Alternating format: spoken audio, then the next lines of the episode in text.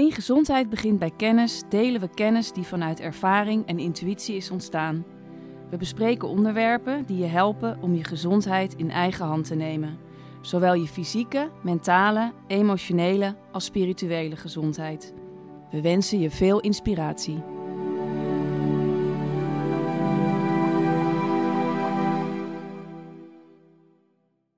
Welkom Jasper, Kalesvaart. Dankjewel. Fijn dat je hier bent. Voordat we gaan beginnen aan het gesprek, ehm, wil ik aan iedereen laten weten dat als je dit gesprek en deze podcast leuk vond, dat je hem dan mag liken en ook mag delen als dat zo voelt. En ehm, ja, dat je je ook kan aanmelden voor ons YouTube-kanaal, want er komt zeker weten nog veel meer moois aan. Dus ehm, dit moest ik van Lucas zeggen. Ik ga me direct Dat is aanmelden. belangrijk. Ja. ja, het kanaal is groeiende en daar staat nog niet eens een podcast op. Eh, Jasper, wij, ehm, ja, ik, jij bent eigenlijk aangedragen door eh, Lucas, een collega waarmee ik deze podcast maak. Eh, want ik wilde het graag ehm, over mannen hebben tijdens een gesprek. Sowieso wilde ik op ons platform Nanomineralen meer aandacht voor mannen. Ehm, en ja, deze podcast kwam dat, ja, vloeide daar mooi eh, op in. Ehm, dus ja, mannen is ook gewoon een heel leuk eh, onderwerp om over te hebben. Zeker, Dus, ja. dankjewel Tera. dankjewel voor de uitnodiging. En ik denk zeker dat er eh, behoefte is aan om mannen meer in de picture te zetten. En fijn dat we op nanomineralen dat platform Ja, aanwezig mogen ja. zijn. Nou, jij, jij bent eh, van beroep, ben jij eh, natuurgeneeskundig therapeut, maar echt met een energetische insteek. Kun je iets vertellen over jouw praktijk en wat je allemaal doet? Ja, ik zeg altijd, ik doe eigenlijk maar wat. Dat is altijd mijn motto, want bij iedereen is dat ook weer anders. Eh, dus ik maak gebruik van een apparaat waarbij we de acupunctuurpunten volgens de Chinese geneeswijzes gaan bekijken, maar ook ortomoleculaire therapie, maar ook coaching. Eh, eigenlijk heel breed, dus ik kijk gewoon, ja, eigenlijk ik kijk gewoon naar de toolbox. Ja, Het is eigenlijk hetzelfde als jij hebt eh, problemen met jouw cv-ketel thuis. Je nodigt je loodgieter uit. En uiteindelijk heeft hij ook een hele gereedschapkist. En dan gaat het er eigenlijk om dat jouw cv-ketel wordt gemaakt.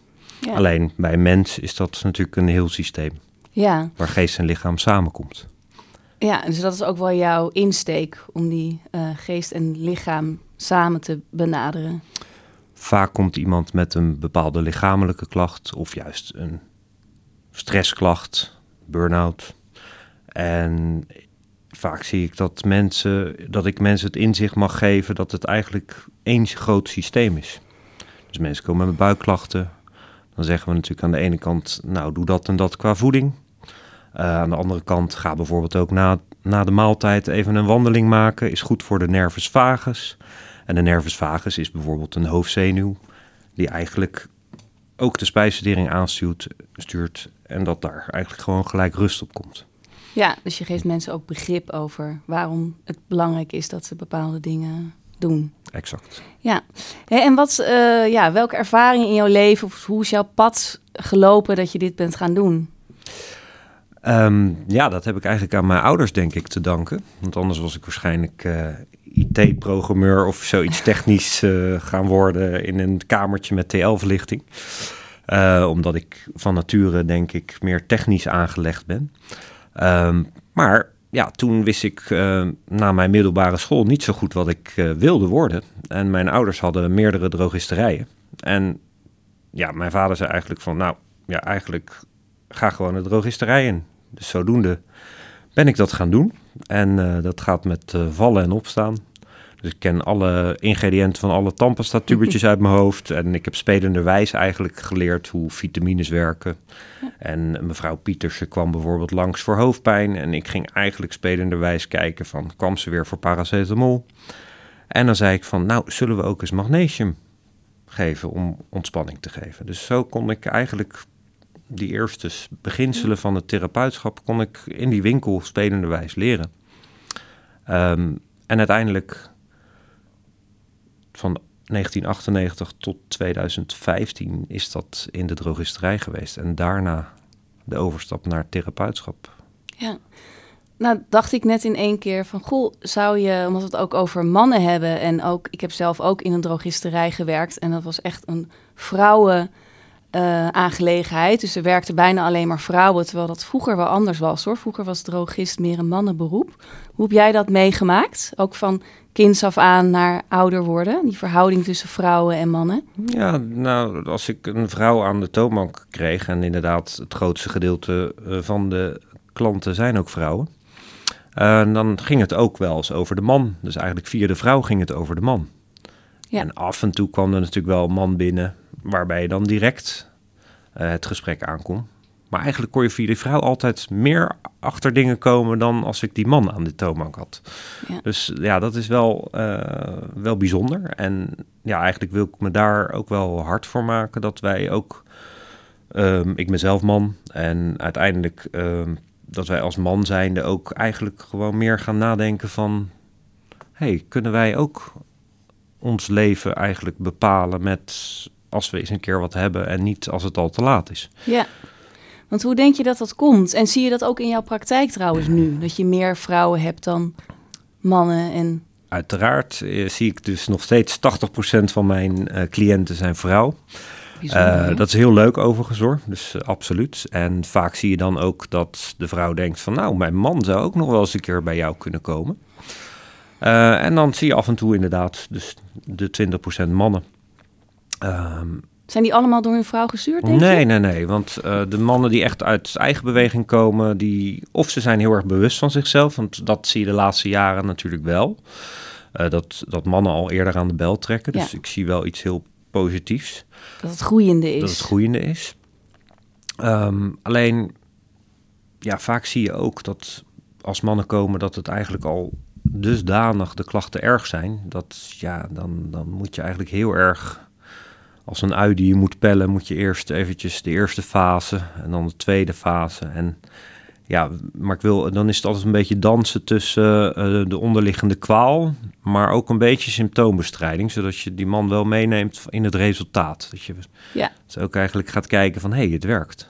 Is dat belangrijker dan bij vrouwen, dat, dat snel ook uh, ja. een resultaat? Dat denk ik wel. Um, hoe voelt dat voor jou, Tera? um, nou ja, dan, dat was wel meteen wat in mij opkwam. Van, oh ja, mannen zijn natuurlijk meer resultaatgericht. Dus toen je dat zei, dacht ik, oh, dat klopt wel. Dat je misschien bij mannen net wat eerder um, bezig bent met een, een, ook een snel resultaat. En hoe dat voor mezelf is, was dat ook een vraag? Ja, nou, of, of, in jouw praktijk, want jij hebt uiteindelijk ja. ook een praktijk. Ja, ik heb ook een praktijk en ik heb ook uh, uh, vooral vrouwen. En inderdaad, um, de mannen die ik, ja, en, ja, de mannen die ik heb gehad zijn ook voor een deel dan ook door hun door vrouwen gestuurd of door hun zus of een cadeautje voor de verjaardag en zo. Maar ja, ik vind het super leuk om met mannen te werken. Het is een hele andere energie dan vrouwen. Absoluut. Toch? Absoluut. Ja. Um, en ja, zoals ik al zei, van het is, ik pas ook het consult aan een beetje als wat, wie heb ik tegenover me? En dat zou jij ook waarschijnlijk Zeker, doen. ja. Um, dus aan de ene kant heb ik ook enorme variatie in de praktijk. Uh, ik heb mannen zijn vaak, hebben vaak te technische beroepen. Ik heb uh, heel opvallend is bijvoorbeeld dit jaar dat ik uh, meerdere piloten in mijn praktijk heb. En dan zie je eigenlijk dat het heel leuk is om, ook als je het over meridiaanbanen hebt, waarbij dat toch een beetje ja, energetisch, niet helemaal tastbaar is, kan je, probeer ik dan toch op een technische manier uit te leggen, zodat die piloot dat dan ook snapt. Dat hij dan denkt van, oh ja, hier kan ik een kant mee op. En dat werkt wel heel erg leuk. En dan wil ik niet iedereen in hokjes duwen. Wil niet zeggen dat iedere piloot dan alleen maar technisch ja. denkt en niet verder. Uh, dat absoluut niet. Maar het is wel heel leuk om te doen. Het is wel ja. ook, ook heel leuk om mannen uh, mee te nemen en ook een beetje uit te dagen. Want soms gooi ik er natuurlijk ineens een stukje met uh, chakra's in en dergelijke. om ze een beetje te teasen. Om ja. te denken van ja, maar het is, niet, het is niet alleen maar het fysieke stuk. En dat is altijd een beetje een, een balans. Ja, ik zeg altijd een dans eigenlijk. Een dans met iemand. Ik dans nu ook met jou eigenlijk ja. in dit gesprek. Ja, ja dat merk ik. Ja. het is een heel frivol dansje. Ja. um, eh, merk je ook eh, dat mannen eh, ook in hun gevoel ge- geraakt kunnen worden tijdens ehm, nou ja, de consulten die je met ze hebt? Of blijft het heel erg rationeel? Mm, blijft over het algemeen nog heel erg rationeel als ik dat bedenk. Ik denk dat ik die op één hand kan tellen. Uh, maar ja, vaak zitten daar ook dieperliggende trauma's aan vast. Um, laatst had ik iemand die doorgestuurd was door een psycholoog. Kom bij Jasper, uh, oud-militair met PTSS. En um, ja, dat is toch altijd zoeken. Van, uh, die psycholoog stuurt eigenlijk uh, hem naar mij toe om ook een beetje het lichaam uh, te laten voelen. Van ja, wat, wat gebeurt er nou in dat lichaam? Ja, voor een stukje lichaamswerk. Ja, dus dan, dan ben je ook natuurlijk bezig. Maar ook met voeding ben je dan bezig. Dus je probeert eigenlijk allerlei dingen aan te kaarten. En ja, dat, dat zal de toekomst uitwijzen of we dan in die lagen dieper komen. Ja. Ik Ja. bedoel, uiteindelijk uh, mag iemand dat zelf bepalen. Ja. Ik, ik heb nooit een heel plan van tevoren met iemand. Ik zie het liever per keer. Het is ook afhankelijk wat iemand ermee doet. Ja, ja zeker. Zie jij ook bepaalde verbanden tussen uh, klachten waar mannen mee komen en uh, dieperliggende thema's? Heb je daar zicht op? Ja, um, ik refereer eigenlijk een beetje naar het stukje waar wij het voor de podcast uh, over gehad hebben. Dat mag zeker. Want uh, ik vind het eigenlijk heel leuk, want ik snap waar jij naartoe gaat met jouw vraag. Want het is ook een beetje thematisch als je het bijvoorbeeld over het prostaat hebt. Ja. Natuurlijk eigenlijk een uh, magisch iets wat bij de man is. Heel, heel uniek voor de man. Ja, absoluut. Ja. Uh, Heb, zie je dat veel in je praktijk, prostaatgerelateerde klachten? Komt voor. Het is eigenlijk ook aan de ene kant een natuurlijk proces. Hè. Na je veertigste zien we ja. dat de prostaat groeit. Um, op het moment dat... Um, vaak zie je dat het een goedaardige groei is. Uh, en waarom het... noem je het eigenlijk natuurlijk? Mag ik dat vragen? Ja, ik denk... Ik, denk, ik weet nu niet uit mijn hoofd uh, wat de reden daarvan is... maar ik vermoed dat dat toch een soort, uh, soort kapselingsproces is, wat rond je veertigste uh, gebeurt om, om dat vetweefsel wat dikker te maken en die celgroei daar, uh, dat dat, ja, dat is eigenlijk een hele goede vraag. Dat moet ik eens uitzoeken. Ja. Nou ja, het is, dat, het is de, de, de reden dat ik dat vraag is omdat we soms uh, gewend zijn te denken van ouderdom komt met gebreken. Um, en ik heb toevallig gisteren was ik een uh, column aan het schrijven over de blues uh, zones in de wereld en nog een paar andere gebieden op de wereld waar mensen uitzonderlijk oud worden en ook op, in hele goede gezondheid. Mm -hmm. En dan komen we er eigenlijk achter dat heel veel klachten die wij, waarvan wij in het Westen zeggen, ja, dat hoort nou eenmaal bij het ouder worden, dat dat dus per definitie niet zo is. Dus vandaar dat ik me even afvroeg, ja, is het een echt een natuurlijk proces dat die prostaat dan groter wordt? Of zegt dat iets over hoe wij als westerse man, nou wij, uh, dat kan ik niet over mezelf zeggen, maar hoe de westerse man met bepaalde innerlijke uh, processen omgaat? Snap je? Ja, ja, ja. Um, nou, heel even daarop mag ik even een zijsprongetje maken naar, uh, naar bijvoorbeeld het cholesterol. Waarvan ik wel weet dat het een natuurlijk proces is naarmate we ouder worden dat het hoort te stijgen. Waarbij eigenlijk LDL, HDL, wat we horen, eigenlijk niet, eigenlijk niet de boosdoener is. Nee. Vaak zien we dat een laaggradige ontsteking de boosdoener is. Maar wat de functie is van een hoger cholesterol, naarmate we ouder worden, is om onze hersenen te beschermen tegen Ja. hersenaandoeningen. Ja. En dat is wel een natuurlijk proces. Bij de prostaat weet ik kan het je niet. volgen? Ik weet wel dat eh, we gemiddeld zien de laatste 20 jaar zien we eigenlijk gemiddeld bij een man, als ik het dan even fysiologisch uit mag leggen, zien we dat door een lagere zink- en seleniuminname zien we dat de prostaat vaak al rond de 30ste van een man groeit, waarbij we 20 jaar geleden zeiden dat het rond de 40ste een Ja. normaal proces is. Dus ja, dat is inderdaad, eh, ja, wanneer wordt iets normaal hè, eigenlijk? Dat is ook inderdaad een hele goede vraag. Ja. Ja. Nou ja, in principe alle natuurlijke processen die zich eh, ontvouwen, die hebben een functie. En inderdaad, wat jij zegt, als dat, eh, als dat als op steeds jongere leeftijd dat natuurlijke proces gaat inzetten, dan kan je inderdaad afvragen van is dat nog natuurlijk? En dan blijkt daar dus ook nou ja, bepaalde oorzaken aan ten grondslag te liggen. Dus ik kan je wel, wel volgen. Ja. ja. We hadden ook nog dat stukje energetisch, wat natuurlijk bij de prostaat is. Um, daar zijn volgens mij meerdere thema's op, op het prostaat. Het gaat natuurlijk ook een stukje van het echte man zijn. Van ja, wanneer ben je een echte man? En aan de andere kant zien we dat kale mannen meer kans hebben op prostaatkankers. Dus eigenlijk dat het een slechte celdeling is. Want daarom zeg ik van je hebt ook goed aardige prostaatvergroting. Uh, dus mannen laat vooral ook onder andere je PSA-waarde controleren tijdig. Um, maar als je het gaat kijken naar kale mannen, die hebben vaak heel erg veel testosteron. Wat ja, eigenlijk ook gelijk uh, een voordeel kan zijn voor je. Maar op een gegeven moment, naarmate we ouder worden, als het een vrij testosteron, je moet me even helpen. Ik denk dat we het allebei niet helemaal precies nee, weten. Nee, wist het niet, niet, niet precies. Dus graag in de comments als mensen het wel gegoogeld hebben. Ja. Dus um, ja, dat je eigenlijk ziet van, uh, dat, dat dan wel eens misgaat op het moment dat dat testosteron alle kanten op gaat. Oftewel, dat de man eigenlijk niet weet hoe die zijn mannelijkheid moet dragen. Ja. Ik denk dat dat het thema daarachter is. Ja. Is dat iets wat in deze tijd, uh, is dat denk je helder voor mannen? Uh, dat, dat, vroeger was de rol van de man heel duidelijk. De man was gewoon de kostwinner en...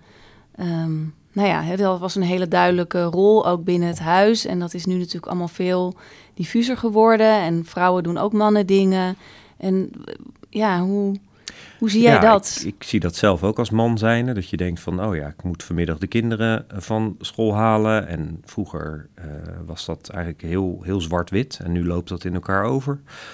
Um, ja, dat is wel eens, wel eens verwarrend. Ehm, ook wel weer heel mooi, want ik denk ook wel dat we een soort shift gaan krijgen met uh, dat vrouwen meer overdag in de mannenenergie gaan zitten. Uh, wij noemen dat yang-energie en yin-energie, de vrouwelijke energie. Dus, en dat mannen dus ook wel weer meer hun emoties kunnen tonen. Dus meer in hun vrouwenenergie, yin-energie kunnen zitten.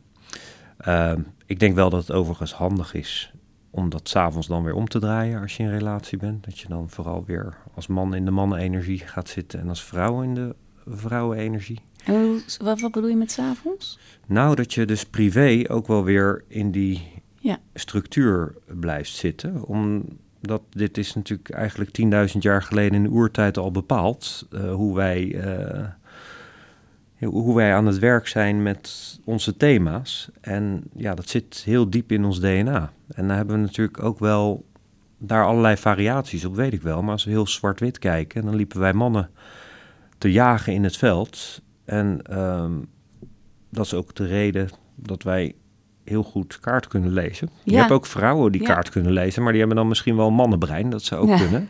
Ik ben vreselijk slecht in kaart, maar ik ben, heb wel heel erg een oog voor detail. Dus dan denk ik ook steeds aan die besjes die vrouwen dan aan het, uh, oh, mooi. aan het zoeken zijn. Dat is echt, daarin ben ik echt een supervrouw. Maar, maar vrouwen waren dus beter, want die zaten met de kinderen thuis en die moesten heel veel regelen. Eigenlijk zijn hun de kapitein thuis. Dus die kunnen veel beter organiseren over het algemeen als we het heel zwart-wit aankijken, uh, zijn communicatief uiteindelijk ook beter. Door, om die reden. Dat is allemaal 10.000 jaar geleden uh, vastgelegd. Ja, en um, doorgegeven. En doorgegeven. En als je het verder doortrekt, als ik het nog even iets verder door mag trekken, dan zien we ook dat als mannen een hormoon, hormonaal probleem hebben, dan betekent dan moet je met name krachtsport op het onderlichaam ja. zetten. En bij vrouwen is het het bovenlichaam. Dus vrouwen met overgangsklachten, naast alle adviezen die we geven, zeg ik ook altijd: ga krachtsport op het bovenlichaam doen. En, Want, eh, en hoe, hoe leg dat eens uit? Nou, eigenlijk kan je dat dus uitleggen naar de oertijd. Wij mannen moesten onze benen heel erg gebruiken ah, om op het veld te lopen. Ah. En vrouwen het bovenlichaam. Ja, dat vind ik echt een hele leuke leuke dingetjes om te horen. En wat doen vrouwen tegenwoordig in de sportschool? Voornamelijk het onderlichaam trainen. En dan eigenlijk zie je dus, je mag vooral alles trainen, maar hormonaal gezien is dat dus belangrijk. En, zie je, en, en, dat zie je dan ook terug in, dat, in, in bepaalde hormoonwaarden? Exact. exact. Je kan gewoon echt hormoonwaarden normaliseren door gewoon... Punt 1 is natuurlijk stress. Daar zullen we nog wel op komen. Stress ook een uh, hele belangrijke factor is om hormoonhuishouding te reguleren. Um, maar beweging is natuurlijk uiteindelijk ook een hele belangrijke. Ja, ja grappig hoe je dat zo uh, terug ziet. Um, ja, wat is. Uh, ja, jij zegt van we gaan nog op stress komen. Hoezo denk je dat we op stress gaan komen? Is dat een man mannenthema? Nou, ik, denk, mm, ik zat nog een beetje met het prostaat uh, in mijn achterhoofd. En uh, toen dacht ik van ja, alle hormonen wil je op een rijtje hebben altijd. Of je nou man of vrouw bent. Um, ja, op het moment dat je stress hebt, dat is natuurlijk ja, geen goede raadgever voor jezelf, maar ook voor je hormoonhuishouding ook niet. Nee. Uh, dus ja, dat is een van de belangrijkste manieren om de boel op orde te houden. Als je gewoon ook ontspanningsmomenten hebt. En dat Gaan is... mannen daar anders mee om? Met, met, met stress? Hoor ik even. Ja, nou, ik denk dat vrouwen eerder voor zichzelf aan de bel trekken. Um, bij mannen is dat uh, vaak een wat monotomer uh, emotioneel proces. Op het moment dat er stress is en gaat langzaam het licht uit. Um, bij vrouwen zien we alle kanten op schieten. Hè? Druk, rustig, huilen, uh, nou, noem maar eigenlijk maar op. Um, ja, bij mannen zie je vaak dat het een geleidende schaal is. En op het moment dat een man het doorheeft, dan is het al ver. Ja, dat is ook wat jij zei, dat mannen bij jou in de praktijk komen met klachten en dat, dat de klacht al veel ver gevorderder is dan als een vrouw ja. Bij jou in de praktijk komt. Dat is een grappig verschil. Dus als wij die man meer naar de emotie terugkrijgen, naar, naar zijn kern, dan zullen we dus uiteindelijk kunnen zorgen dat daar ook balans ontstaat. Ja. Nou, is dat wel iets, dat is wel iets waar jij aan van gaat, toch? Van dat gegeven Absoluut, ja. absoluut. En daar heb jij volgens mij ook plannen voor, toch? Om je daar echt professioneel ook mee bezig te houden. Ja, uiteindelijk uh, is daar Lucas om de hoek uh, komen kijken. Lucas ken ik uh, van de Hazelaar, winkel in Al van der Rijn. En wij hebben samen een zwangerschapverlof ondersteund. Dus we hebben in de winkel ook één en soms twee dagen in de week gestaan. Dat was echt heel leuk. En wij dachten eigenlijk begin dit jaar dachten we van ja, we hebben nu heel veel vrouwen, heel gezellig. Maar uiteindelijk zien we gewoon dat, dat die mannen ook aan de slag mogen. Dus we wilden graag een platform creëren voor mannen. En dat platform heet Mannencraft. Dat vind ik een hele leuke naam. Hoe, hoe zijn jullie daarbij gekomen? Ja, Mannencraft. Um, als je het ja, eigenlijk natuurlijk mannen, dat is duidelijk. En craft betekent, uh, wat mij betreft, vakmanschap. En uh, ja, eigenlijk die combinatie. Wat betekent het om man te zijn? Ik denk dat dat een heel belangrijk thema is. Ook wat ik mezelf natuurlijk wel eens afvraag van wat betekent het eigenlijk in deze tijd om man te zijn? Moeten we twee keer per jaar op vakantie? Moeten we porno kijken? Ja. Of ja, wat is eigenlijk de bedoeling? met onze wat, wat is eigenlijk nou de bedoeling? En, en zeker, ja. Uh, ja. zeker dat mannen, vrouwen, hè, wat is onze plek? En ik denk best wel dat er wat mag veranderen. Ik, uh, ben, ik wil het echt niet zwart-wit maken, maar ik denk van ja, hoe kunnen wij als man gaan, zijnde in deze tijd daarmee omgaan? Ja. En dat zijn hele leuke thema's. Door, denk ik in eerste instantie echt te leren om naar jezelf te luisteren. En, en hoe gaan jullie dat doen? Hebben jullie al ideeën over um, ja, de invulling van dat mannencraft? Echt een hele leuke naam vind Ja, we hebben dat echt een beetje op een fearless manier gedaan. En dat bedoel ik eigenlijk gewoon uh, niet lullen, maar poetsen. Dus wij hebben die website uh, de lucht in uh, gegooid. En we hebben gelijk een weekend bedacht. Ehm, voor de rest hebben we een programma heel mooi in elkaar gezet. Alleen daar hield het ook een beetje bij op door de drukte van ons beiden. Dus wij zaten paar weken geleden een weekend met z'n tweeën in dat weekend. Omdat er geen aanmeldingen waren of nauwelijks aanmeldingen. Dus het was eigenlijk echt voor ons bedoeld. Dus wij zijn van plan om in de toekomst een, uh, echt daar een platform uh, van te gaan bouwen en stapje voor stapje te doen. We zijn eigenlijk begonnen dus met het einddoel. En dat hoor je vaak in allerlei coachingsboeken, begin with the end. Ah, maar het, is op zich wel handig om dan ook nog even die tussenstappen neer te zetten. Ja. Maar op zich, wij hebben een heerlijk weekend gehad en dat platform komt er wel. Ja, en wat hebben jullie, uh, ja, wat, wat, wat, wat zouden jullie uh, mannen willen aanbieden?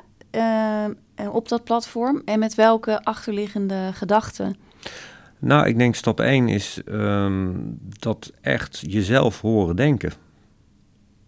En dan praat ik voor mezelf van wie is Jasper? En dat kan alleen maar op het moment dat hij niet wordt afgeleid. Op het moment dat zijn telefoon op vliegtuigstand staat.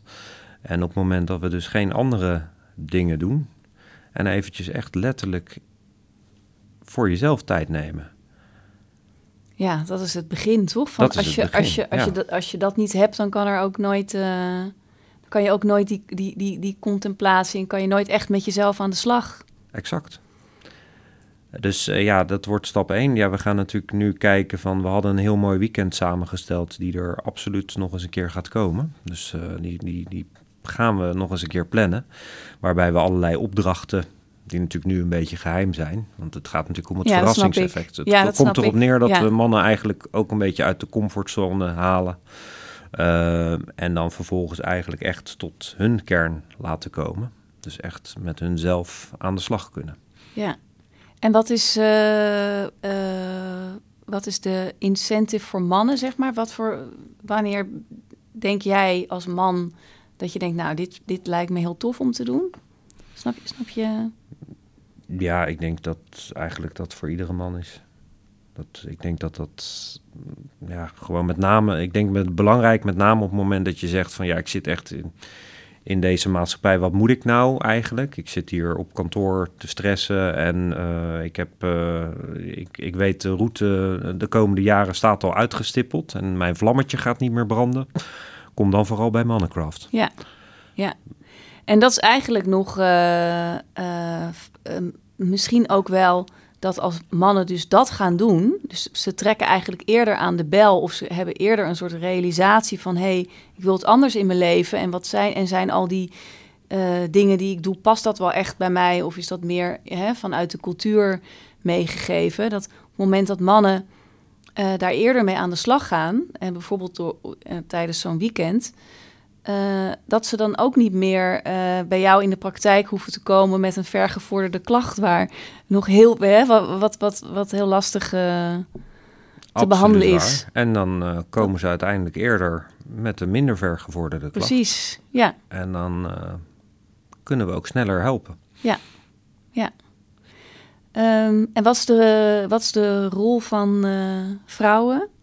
Ehm, in uh, mannenkracht. Dus is het, uh, gaan, gaan vrouwen dit aandragen bij hun mannen, denk je? Of gaan mannen het zelf uh, vinden? Ja, toen ik het aan het pitchen was, toen heb ik met name meer vrouwen gehoord van ik wil me ook inschrijven. Dus toen dachten wij ook van, nou ja, eigenlijk hadden we het misschien beter niet een, een, gender kunnen geven. Dus dan hadden we eigenlijk dat weekend zo vol, vol gehad, ja. waarschijnlijk met vrouwen. Ja. maar ons ideaalbeeld is natuurlijk om die mannen uiteindelijk te laten bewegen. En als dat via vrouwen kan, dan heel graag. Dus, ja, zo gaat het gewoon vaak in de praktijk, dus mag je ook gebruik van maken, toch? Dus vrouwen, als je dit hoort, meld uw man aan, heb het erover. Ja, ja. Um, zijn we, hoe ver zijn we in de tijd? Ja, want ik heb, um, we gaan het gesprek afronden. Um, en ik heb een uh, laatste vraag aan jou. En dat is wat jouw uh, gouden gezondheidstip is voor mannen. Waarvan je uh, voelt en weet van, nou, dit zou eigenlijk iedere man voor zijn gezondheid moeten doen. En ook iets wat je zelf ook in de praktijk brengt. Vooral heel erg naar jezelf luisteren. Momenten op de dag indelen. Dat je eventjes gewoon, al is het maar een half uur, tien minuten, echt even letterlijk je af gaat vragen: wie ben ik? Dat is een hele belangrijke. Um, ik denk overigens op het moment dat er enigszins buikvet bij de man komt, zorg dat je het kwijtraakt. Want dat is niet goed voor je testosteron en ook niet goed voor je gevoel. Ja. Um, ga krachtsport doen om uit je hoofd te gaan, zodat je je ook sneller lekkerder voelt. Ik denk dat dat voor mij drie hele belangrijke pijlers zijn. Dus het was toch niet in één gouden gezondheidstip te vatten. Nee. Want het is eigenlijk een beetje een- verschillende niveaus die elkaar ook weer, weer overlappen. Dus het eerste is eigenlijk neem gedurende de dag af en toe een pauze om even stil te staan bij jezelf. Exact. En zeg ik dat goed? exact. Eh, het tweede is ehm, voor mannen die buikvet hebben, en dat ontstaat vaak volgens mij een beetje zo in de dertiger jaren. Laat het niet te veel eh, op zijn beloop, want daar kunnen echt ehm, chronische gezondheidsklachten eh, door ontstaan. Dus ga daar wat aan doen. En het derde is, ga krachtsport doen. Ehm, en hoe ik het heb gehoord van dat dat dus heel belangrijk is, hormonaal. En dus ook doorwerkt op hoe je je voelt. Absoluut. Heb ik dat goed eh, samengevat? Helemaal geweldig.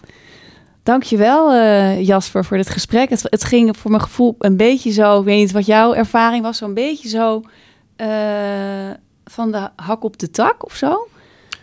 Ja, Dus we is- waren, we waren een beetje aan het, aan het zoeken in het gesprek van oké, waar gaan we waar gaan we naartoe? Ja. Ehm, maar ik heb er eh, ja, nou wa- wat ik er eh, ik vond jou, ja, jou, jouw gouden gezondheidstip vind ik echt vond ik heel goed, want ik denk ook echt dat is iets wat ik ook aan andere mannen kan communiceren. En daar zou ik bijvoorbeeld ook een keer over kunnen schrijven, weet je wel, zo van dat is een echt een mooie houvast. En tegelijkertijd ook eh, een realisatie dat de man bereiken vaak ook nog via de vrouw eh, gaat. Dat vind ik dan als vrouw ook wel weer heel leuk.